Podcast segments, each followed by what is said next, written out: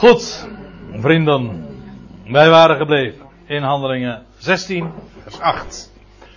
En dan lees je dus dat, je, dat zij daar in de noordelijke streek van Mysië gekomen waren.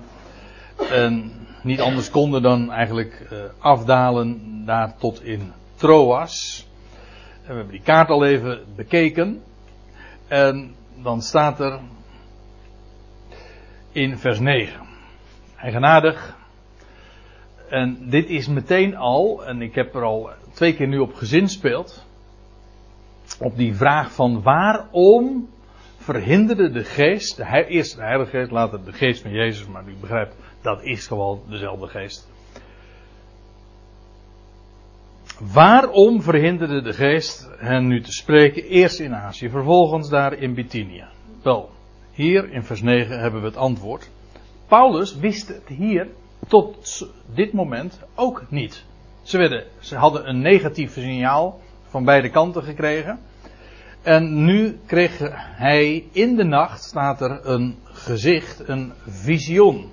Dat is het woord wat hier gebruikt wordt, het gewone woord voor visioen. Dit is dus het derde teken, en dit is voor het eerst positief. Die andere twee was negatief, het liet niet toe werd verhinderd.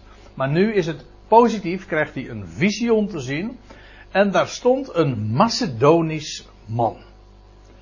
En het zal u gedacht zijn, maar echt, dit meen ik, een Macedonisch man komt uit Macedonië.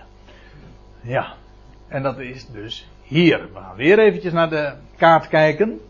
Daar, uh, we zijn vanavond erg op de kaart georiënteerd. Dat heb je als zoveel plaatsnamen genoemd worden en streken. Ze waren hier. En dan ziet hij dus in dat visioen een Macedonisch man. Hoe die dat ziet, dat weet ik ook niet. Nou, ik heb wel een reden. Ik, ik, heb, ik denk wel dat ik weet waarom. Maar even nog. Hier is dus die streek van Macedonië. We kennen hem vooral. De bekendste Macedoniër is. Ooit, als je mij vraagt. Nee, Alexander de Grote. Dat was een Macedoniër. Dat was een Macedoniër. Ja. En eh, het huidige Saloniki, dat wat was in de Bijbelse dagen dus Thessalonica, maar dat tegenwoordig heet het Saloniki, dat is een grote stad. Nou ja, en hier heb je nog van meer van die plaatsnamen die we allemaal nog tegen zullen komen. Maar hier is dus die grote streek Macedonië in het noorden van het huidige Griekenland.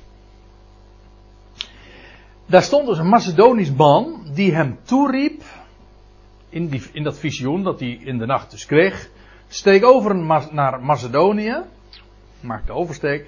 En help ons. Het loutere feit dat hij zegt help ons. Geeft aan dat hij zelf dus een Macedoniër was. Dus daarom weet je meteen ook waarom. Tenminste dat is waarom ik denk dat hij wist dat het een Macedonische man hij, hij zag dat het een man was en hij zegt, die hij zegt kom naar de Macedonië en help ons. Dus die man was kennelijk zelf een Macedoniër. Waarna natuurlijk nog uh, één vraag op uh, de lippen ligt. Tenminste, dat is dan de vraag die ik mij stel. En dat is, wie was die Macedonische man? Of mag je die vraag niet stellen om, omdat, die, omdat het antwoord domweg niet gegeven wordt? Nou, de elke vraag mag je stellen, heb ik, al, heb ik me ooit laten vertellen. Dus waarom deze vraag niet? Nou, hier staat hij dus niet beantwoord, maar men heeft de suggestie opgeworpen. Let op, hoe voorzichtig ik het zeg, dat het Lucas zelf is geweest. En waarom zeg ik dat? Omdat we nu, als we doorgaan lezen, krijg je een wending in het verhaal, hoewel zich dat helemaal niet zo heel duidelijk aandient. Maar als je nauwkeurig leest, dan staat er. Want nou staat er voor het eerst in het boek Handelingen, toen hij, Paulus, het gezicht, het visioen gezien had, zochten wij dadelijk gelegenheid om naar Macedonië te vertrekken. Hé. Hey. Wij. Voor het eerst. Wij. Dat wil dus zeggen. Het was, het was altijd zij. Maar hier is de, sluit, de schrijver zich daar dus bij in. Nou, we weten dat de schrijver Lucas was. die het evangelie had geschreven, het vervolg daarop het boek Handelingen. Nou, dat hebben we onder ogen. Hier is de auteur van het boek Handelingen dus zelf bij. Er staat niet bij van en Lucas of ik ver, vervoegde me bij het gezelschap. Eigenlijk is eh, de, de schrijver hier voortdurend uh, op de achtergrond. Maar, niettemin, door het woordje wij verraadt hij zich wel. Dat was onmiskenbaar. Is de auteur hier zelf bij betrokken? Hij is er buitengewoon terughoudend en bescheiden in. Hij noemt zijn naam ook daarin niet. Maar uh, we zullen trouwens ook nog zien bij dat we een paar keer uh, dat het weer zij wordt. En dan weten we dus ook weer, hé, hey, daar is uh, Lucas dus kennelijk zelf niet bij. Dat zullen we ook nog wel in, het, in de loop van het boek zien. Maar Lucas is lange tijd bij Paulus gebleven. Dat, en tot op zijn, tot zijn sterven aan toe, dan zegt hij dat ook. En Lucas is nog bij mij. De geliefde geneesheer, zo noemt hij hem in de Colossensebrief. Toen hij het gezicht gezien had, zochten wij dadelijk gelegenheid om naar Macedonië te vertrekken. Dus hoe dan ook, ook als die Macedoniër die Paulus in het gezicht in de nacht zag, eh, ook als die Macedoniër Lucas geweest is, Lucas bevond zich aan deze kant. Dat is één ding wat zeker is, want het staat, wij zochten dadelijk gelegenheid om naar Macedonië te vertrekken. Dus nu was de hint wel heel duidelijk. Nu weten ze ook waarom ze verhinderd werden om naar Azië toe te gaan. Ze werden ook verhinderd om naar Bithynië toe te gaan. Waarom? Wel, ze moesten zo snel mogelijk naar Macedonië. Dat, krijgt, dat door een gezicht, door een visioen, is hem dat duidelijk gemaakt die twee eerdere aanwijzingen waren ook al heel duidelijk, goddelijk. Dat wil zeggen de geest van de Heilige Geest, de geest van Christus. Maar hier is het een visioen. En het hele gezelschap is dus meteen ook overtuigd. Want ze zochten dadelijk, onmiddellijk staat er, zochten wij een manier om uit te komen tot in Macedonië. Dus het is duidelijk. Het is zo regent, zou ik zeggen. Ja. Hij had ook kunnen denken, ik zeg een beetje onhardop.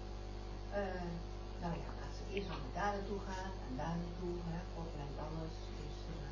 Ja, je bedoelt, dat had toch ook niet verkeerd geweest als in Azië en. Ja. Nee, het dit was. Ja, dat is zeker wonderlijk. En het plan was dus. Het was de geest van Jezus, die dus inderdaad wilde dat de oversteek gemaakt zou worden en wel met vaart, met snelheid. En dat ze dus, door, en dat ze dus in Troas zouden komen en dat ze dus vervolgens vanuit Troas de oversteek naar, kijk, nu zeggen we naar Macedonië, maar je kunt natuurlijk het, uh, als we het even in de termen van werelddelen bekijken, dan is het dus van Azië gaat het hier nu voor het eerst naar Europa. Dat is het. Het evangelie gaat naar Europa. Dat, is, dat vindt plaats hier in Handelingen 16, vers 10. Voor het eerst. En Paulus zet voor het eerst ook zijn voeten op Europese bodem. Misschien was dat ding hier Moest naar Europa toe. Ja. Ja. Hè? Ja, het woord Europa in dit verband is eigenlijk een beetje een.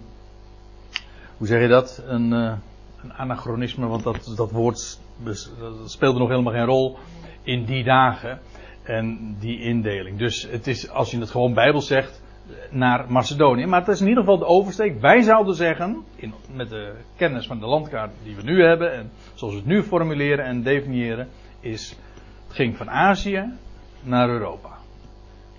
Meteen zochten ze gelegenheid om daar naartoe te gaan, om daar naar uit te komen dit gezelschap, wij, dat is dus in ieder geval Paulus, Silas en Timotheus. En uh, dus uiteraard ook Lucas.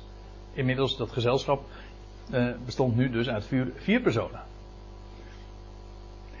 Want staat er daarbij eruit opmaakte, concluderende, dat God, eigenlijk staat hier weer de God, dat de God ons had geroepen om hun daar in Macedonië het evangelie te verkondigen. Of eigenlijk staat hier gewoon één woord: evangeliseren. En het goed, maar niet alleen het goed bericht te brengen, hen onder het beslag te brengen van het goede bericht. Dat is het. Dat is één woord. Dat is de conclusie die het gezelschap, Paulus, Silas, Timotheus, Lucas, heeft getrokken.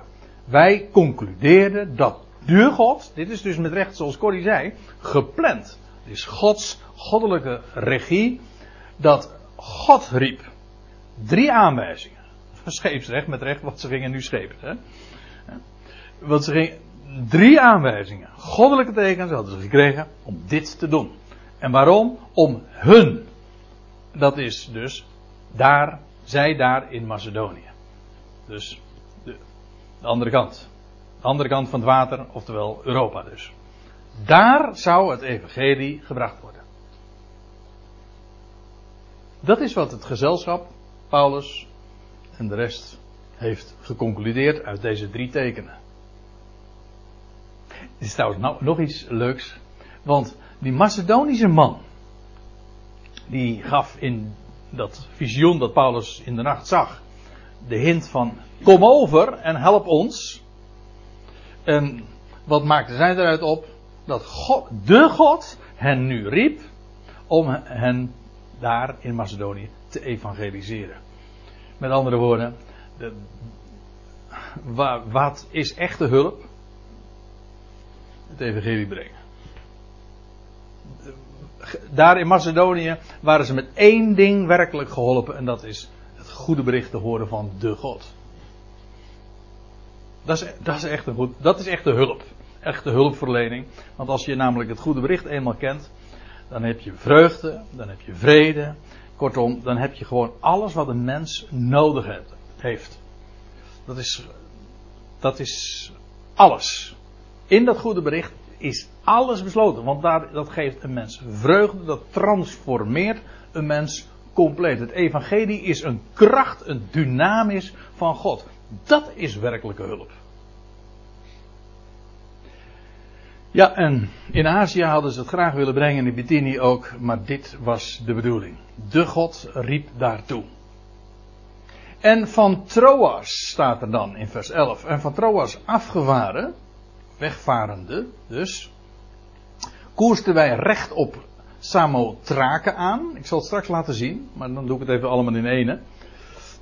Want we vinden nou weer een heel aantal plaatsnamen zo op rij. Dit is een eilandje. En de volgende dag naar Neapolis.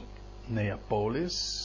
Ja, Neapolis betekent, u kent het hè? Neo betekent nieuw, neo. En polis is, ja. Hè? Nee, nee, geen polis. De stad, ja, een stad. De stad. Nee, dat heeft niks te maken met een, uh, met je verzekeringen of zo. Een polis is een stad. Ja. Dus een nieuwe stad. En de volgende, de volgende dag. Eigenlijk staat er niet de volgende dag, maar gewoon aansluitend. We gingen, we koersten rechtaf dus op Samothrake. En aansluitend tot in Neapolis. En vandaar naar Filippi. Nou, dan gaan we weer even de kaart kijken, want ze waren dus in Troas, Troje dus.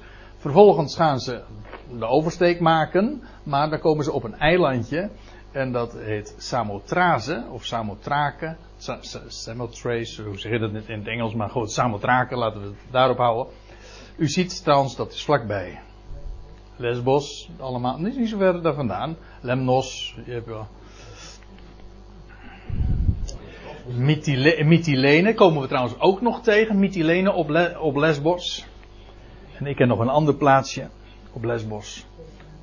Ja, Petra. Daar ben ik ooit met Petra geweest. ja. Dat ligt hier. Maar goed, uh, daar zal ik u nu verder niet vinden. Nee, ik heb, ik heb geen foto's. Wat zeg je, Rob? Nee, ik zeg Joladia nog. Oh, Petra's afgang. Ja, ja, inderdaad.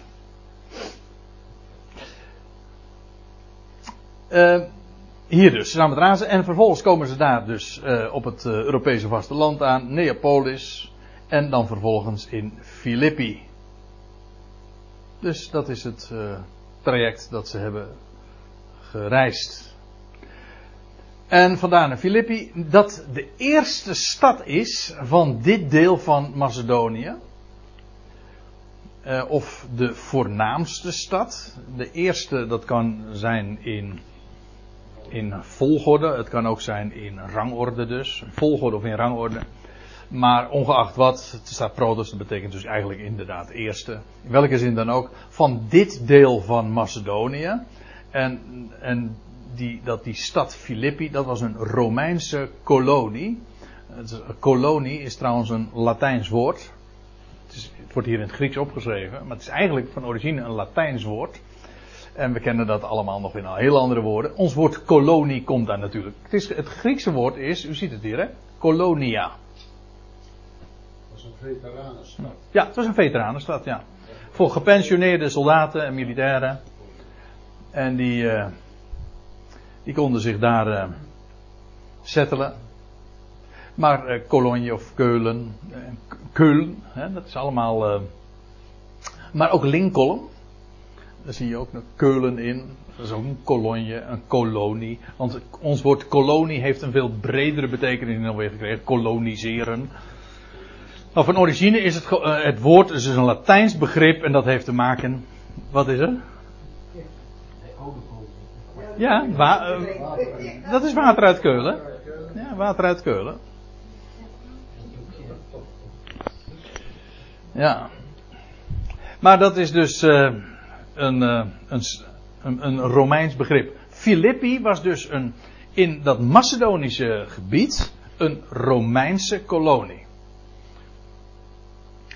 En later, ja, we hebben natuurlijk de brief aan de Filippiërs, of de Filippenzen. En daar schrijft Paulus ook, juist in dat verband, dus dat is niet voor niks hoor, dat hij zegt, ons burgerschap, ons polituima, onze politiek is, in de, is boven, in de hemel. Niet hier, maar daar.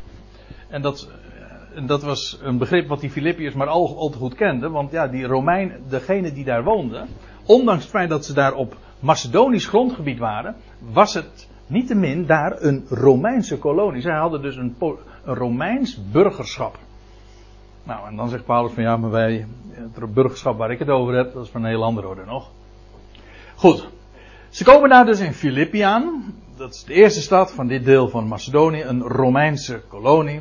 En wij vertoefden enkele dagen in die stad. Staat er dan.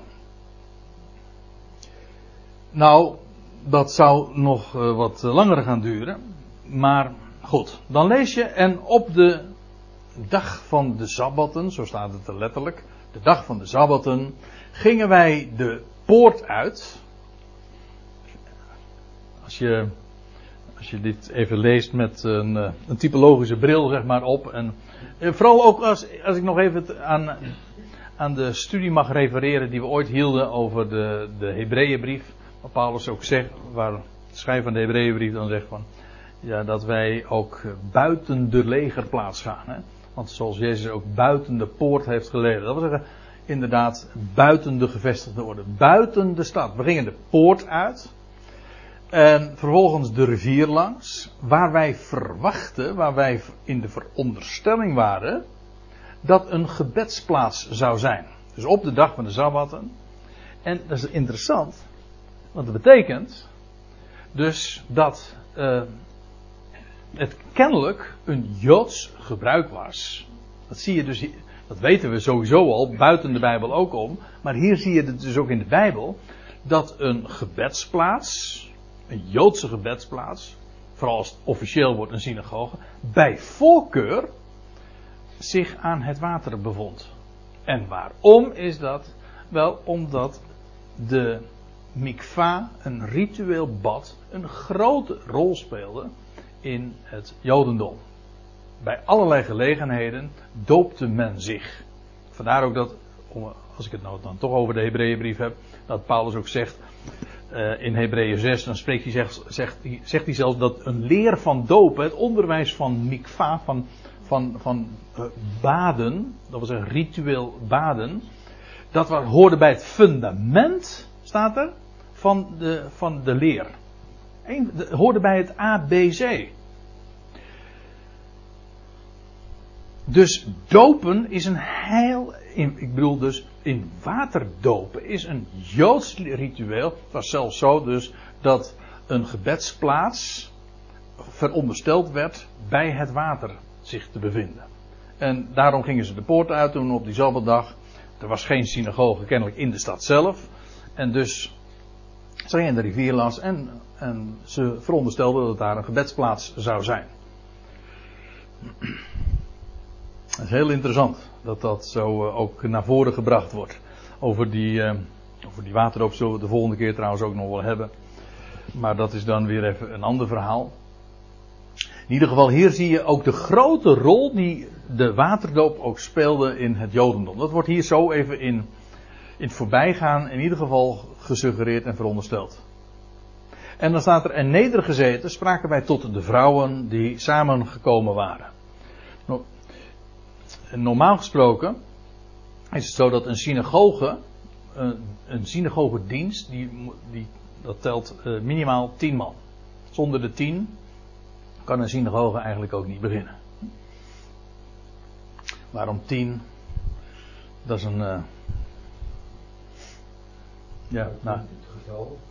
Ja, ja, er zijn er nog die, uh, die het ook in verband brengen met de tien, namelijk ook weer met de tien stammen. Zonder de tien is het niet compleet, is het eigenlijk. Maar, dat even latend voor wat het is. Uh, er waren hier in ieder geval geen tien mannen. Dus een, een officiële synagogedienst kon het dus niet zijn. Ik weet het trouwens nog wel. Ik heb uh, destijds een jaar of wat, uh, eind jaren 70 heb ik uh, Ivriet geleerd. Dat in Amsterdam op diverse plaatsen. En dat was altijd bij een synagoge in Amstelveen. En daar in de rivierenbuurt. En daar was ook een vrouw die, een Joodse vrouw, die leerde dan ook Ivriet, modern Hebreeuws. En die woonde pal boven die synagoge in de Lekstraat. Nou, nee, ja, nou, pal boven, in ieder geval ja, een hogere etage in diezelfde straat. En er, uh, ze werd er wel eens een beetje tureluur van. Zij was zelf seculier Joods. Maar zegt, mijn man wordt zo vaak uh, even gevraagd. Want ja, dat was een betrekkelijk kleine synagoge. Um, om eventjes erbij te komen bij de aanvang van de dienst. Zodat er in ieder geval dat, zodat de Joodse dienst kan beginnen. En dan mocht, kon hij vervolgens weer weggaan. Maar dat in ieder geval er tien man was. En dan werd hij weer eventjes dus uh, van stal gehaald, zeg maar. Om, om die dienst maar te kunnen laten aanvangen. Ja. Nou, dat, uh, die, dat verhaal van haar. Ja. Ja, maar ze zijn daar heel, uh, heel bedreven in. Ik, afgelopen zondag vertelde ik nog het verhaal van dat, dat, is, dat, is, weer wat anders. Nou, het gaat wel over de Sabbatdag. Dat, dat Joden ook niet, uh, dat staat dan in, is een Talmoedische bepaling, dat ze niet meer dan zoveel L, dat zal waarschijnlijk een Sabbatsreis, uh, van hun een deur zich mochten verwijderen. En wat deden ze dan, die slimme Joden? Die, die hadden een demontabele deur, gewoon een klein deurtje. En die namen ze gewoon mee, hè, die ze heel makkelijk onder de arm of gewoon bij, waar ze zich mee konden verplaatsen. En ze konden zo ver reizen als ze wilden. Maar ze hadden gewoon altijd die deur bij zich. En waren dus nooit ver van die deur verwijderd. Uh, zulke dingen. Ja. Ja. Goed. Uh, nedergezeten. Uh, spraken wij, want u weet, hè, als je in onderwijs zit. in eigenlijk de houding ook van, van onderwijs. Je je bent gezeten en nedergezeten, spraken wij tot de vrouwen die daar samengekomen waren. En een zekere vrouw, met name Lydia. Ha, hier hebben we er. Nou ben ik helemaal vergeten even te achterhalen wat die naam eigenlijk betekent. Dat had wel, mooi geweest als ik dat er ook nog even bij gezegd had. Weet ik even niet, uit het hoofd. In elk geval, uh, zij wordt hier dus met name genoemd. En er wordt bijgezegd, zij was een purperverkoopster. Uit de stad Thyatira. Want Thyatira, ik zal straks even uh, laten zien waar dat ook alweer lag. Maar uh, Thyatira was bekend in die dagen, juist vanwege de hele purperindustrie. Purper was ook, ik was peper, maar ik zou dan moeten zeggen purperduur. Het is een heel dure verfstof. En purper, we kennen dat eigenlijk allemaal natuurlijk wel. Purper is in het Engels purple, is paars. Dat is eigenlijk een samenvoeging van rood en blauw. De kleur van de aarde en de kleur van de hemel. Dat is mooi, dat is echt heel mooi. Als je dat bij purper ook denkt. Purper speelt in het Oude Testament trouwens ook een rol, maar het is de kleur van de middelaar. Namelijk hem die de hemel en de aarde in zich verenigt. Die hemel en aarde verenigt tezamen. Dat is het. Blauw en rood. Dat geeft paars. Dus die, purp, die kleur purper. Die doet ons denken aan de middelaar. En de prijs die hij betaalde. Want dan denk ik inderdaad aan 2 Timotheus. Hé, hey, leuk hè. Timotheus was hierbij. Maar 2 Timotheus. Het is trouwens niet 2 Timotheus. Het is 1 Timotheus 2. 1 Timotheus 2. Vers 5. Daar staat er. Want er is één God. Expres eventjes blauw hè. Er is één God. En ook één middelaar. De twee verenigd. Paars. Purple. Van God en mensen. De aarde is rood. Adom. Adam betekent eigenlijk ook uit de rode aarde. Het heeft ook te maken met bloed. Adam.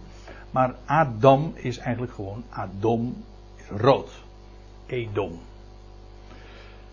Dus de mens, dat is rood. De aarde, dus ja, die beide kleuren verenigt. Wel, dat zie je hier.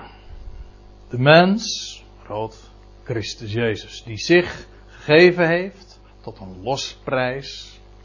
Heb je het eh, over de. Over dat, uh, dat kopen. Dat loskopen. Tot een losprijs voor allen. En Paulus zegt eraan. En daar wordt van, daarvan wordt getuigd de juiste tijd. Want ik ben hiertoe, eh, hiertoe gesteld als een apostel en leermeester van de natie. Ik spreek waarheid, geen leugen. Ja, wat zei u, sorry? Ja, te gelegene tijd. Ja. Te gelegene tijden. Maar u ziet het, hier, ik kon het niet nalaten om ook die typologische link te leggen van deze Lydia. Dat, uh, dat wat zij deed, heeft inderdaad een hele typologische betekenis. Dat purper en dat feit dat ze dat verkocht. Ze kwam uit Thyatira, zoals gezegd. En uh, we bevinden ons inmiddels hier natuurlijk, in Filippi. Maar zij kwam van hier vandaan. Ze was misschien vertegenwoordigster, of dat ze dus met, uh, met al dat spul naar uh, de oversteek ook had gemaakt. Maar in ieder geval, ze kwam hier vandaan, uit Thyatira.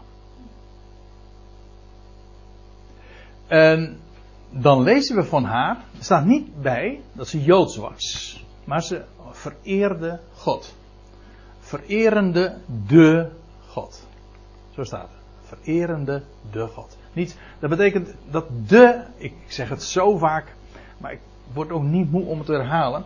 Van, uh, van de week kreeg ik van iemand even de vraag van hoe, hoe vaak komt het eigenlijk voor in het Nieuwe Testament. En ik kon zeggen, bijna duizend keer. De God, en in de vertaling zie ik het nooit. Het is altijd gewoon God. Dus niet direct kritiek hoor, want, ik, want men zegt dan van ja, maar die bepaalde lidwoorden werden wel vaker gebruikt. Maar er staat iedere keer gewoon de God. Niet altijd. Dus daarmee geeft, uh, zeg ik eigenlijk ook al. Het betekent dus. Het louter feit dat het er niet altijd staat. Geeft dus aan dat het echt betekenis heeft als er inderdaad. Dat het bepaald wordt. Het is een bepaald lidwoord. Hè? De God. Niet zomaar. Het is dus maar niet. Zij was religieus. Dat was de hele wereld. Een God kennend. Nee, maar zij vereerde de God. Zij kende God als God de plaatser, de beschikker van alles. Die gaf zij de eer. En in het boek Handelingen komen we deze uitdrukking heel vaak tegen. We kennen natuurlijk ook de, voor het eerst geloof ik zo'n beetje in Handelingen van Cornelius. Was ook een, Romein, maar een vereerder van God. Zij was ook een vereerder, vereerdster in dit geval, van God. En die hoorde toe. Ze luisterde met haar purper, hè, luisterde zij. En de Heere opende haar hart. Prachtig. Van wie de Heer ontsloot het hart. Want als de Heer, de Heer moet dat namelijk doen. Hè? Dat, eh, Anders voeg je dat heel, ja precies ja. Dan, eh, ook, ook prediken is helemaal volstrekt te vergeefs als de Heer geen, de Heer ontsluit het woord, maar de Heer ontsluit ook harten. Hij, eh, trouwens, hij doet ook het omgekeerde, hij sluit het ook. Die opent en die niet zal. Er staat in het boek, eh, in, eh, het boek Openbaring dan. die de sleutels heeft. En er staat er ook bij van die opent. En die, zodat niemand kan sluiten. En die sluit zodat niemand kan openen. Als hij sluit, dan opent niemand. En als hij opent, dan, sluit, dan, dan is geen mens in staat om dat toe te sluiten. De Heer, Hij opent harten. Ik moet zeggen, ik ben zo enorm blij met deze waarheid. Dat betekent dat het geen mensenwerk is. Je mag het woord doorgeven, maar doe geen pogingen om mensen om, een, om met een koevoet, bij wijze van spreken, dat open te breken, want dat lukt je niet. Dat heeft alleen maar averechts effect zelfs.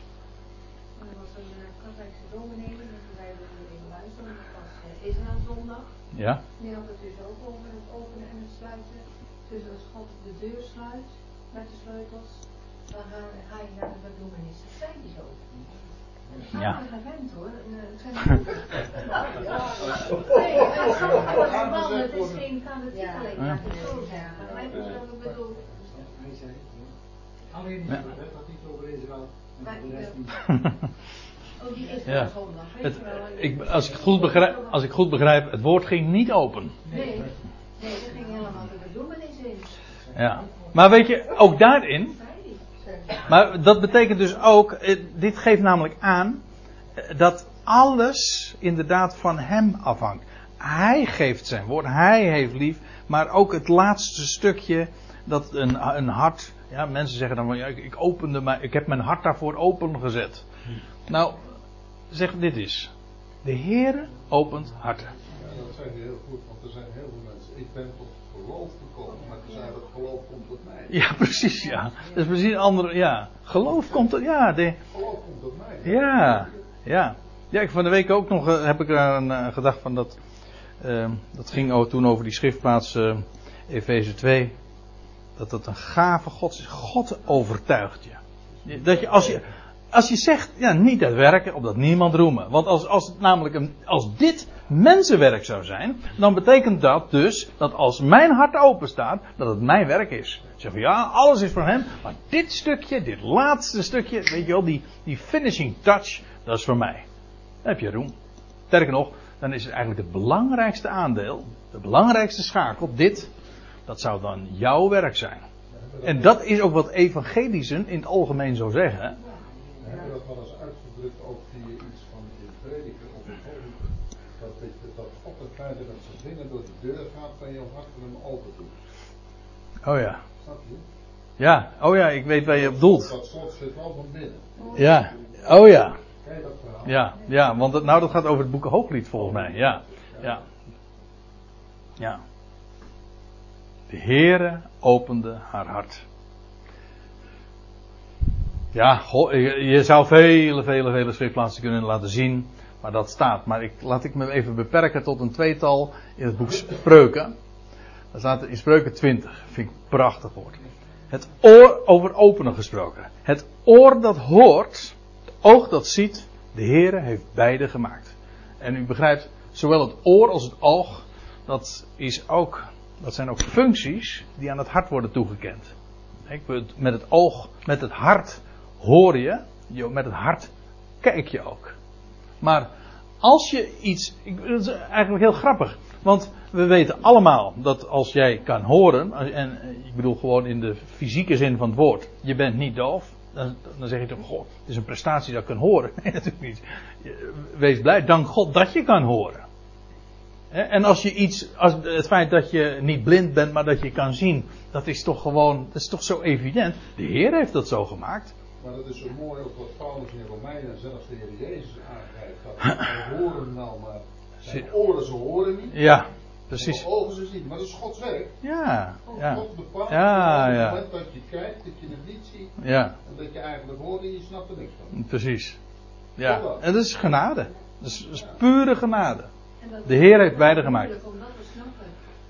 Tegenover mensen staat en, op en Zo, ze begrijpen het werkelijk niet. Nee. Nou, ik heb er nog één trouwens. Ja. Er staat in Spreuken 20 is dit, hè? Spreuken 20 vers 12. En nu keren we het even om. Dus Spreuken 21 vers 1. eh, is het het hart van de koning. Ik het hart van de, als er één autonoom is, als er één zelf zijn gang kan gaan, dan is het toch wel een koning. Hè? Die kan besluiten wat hij wil. Maar er staat eh, het hart, zelfs van de koning, de machtigste man, is in de hand des Heren als waterbeken. Dat wil zeggen, hij leidt het overal heen waar het hem behaagt. Gewoon als een stroompje. Ja, en dan gaat een stroompje en hij leidt het heen. En wij denken maar van, oh, dat zijn geweldig. En eh, ik bedoel, we, zijn, we hebben zo die doctrine van de vrije wil. En met de vrije wil bedoelen ze eigenlijk dat God niet vrij is. Men, men noemt het de leer van de vrije wil, maar men, men bedoelt daarmee, God is niet vrij, is niet in staat en niet vrij om daarin zelf vrijmachtig te handelen. Maar het hart van zelfs van de koning. Er staat nog bij trouwens, dat, ik noem dat er even bij omdat dat eh, meestal wordt misverstaan. Maar in het vers daarop volgend, in Spreuken 21 vers 2 dus, daar staat, elke weg van een mens is recht in zijn ogen. Ja? Mens gaat en die probeert dat altijd te rechtvaardigen, het is altijd te goed wat je doet. Maar staat er, de Heere beproeft de harten. Maar weet u wat er eigenlijk staat? Er staat hier letterlijk een, woord dat betekent bestuur. Maar de Heere bestuurt de harten. Mens. Ah. Ja, en als, en, als, en als er wat aan gebeurt, dan is het God zelf die het hart aanraakt. Op zijn tijd.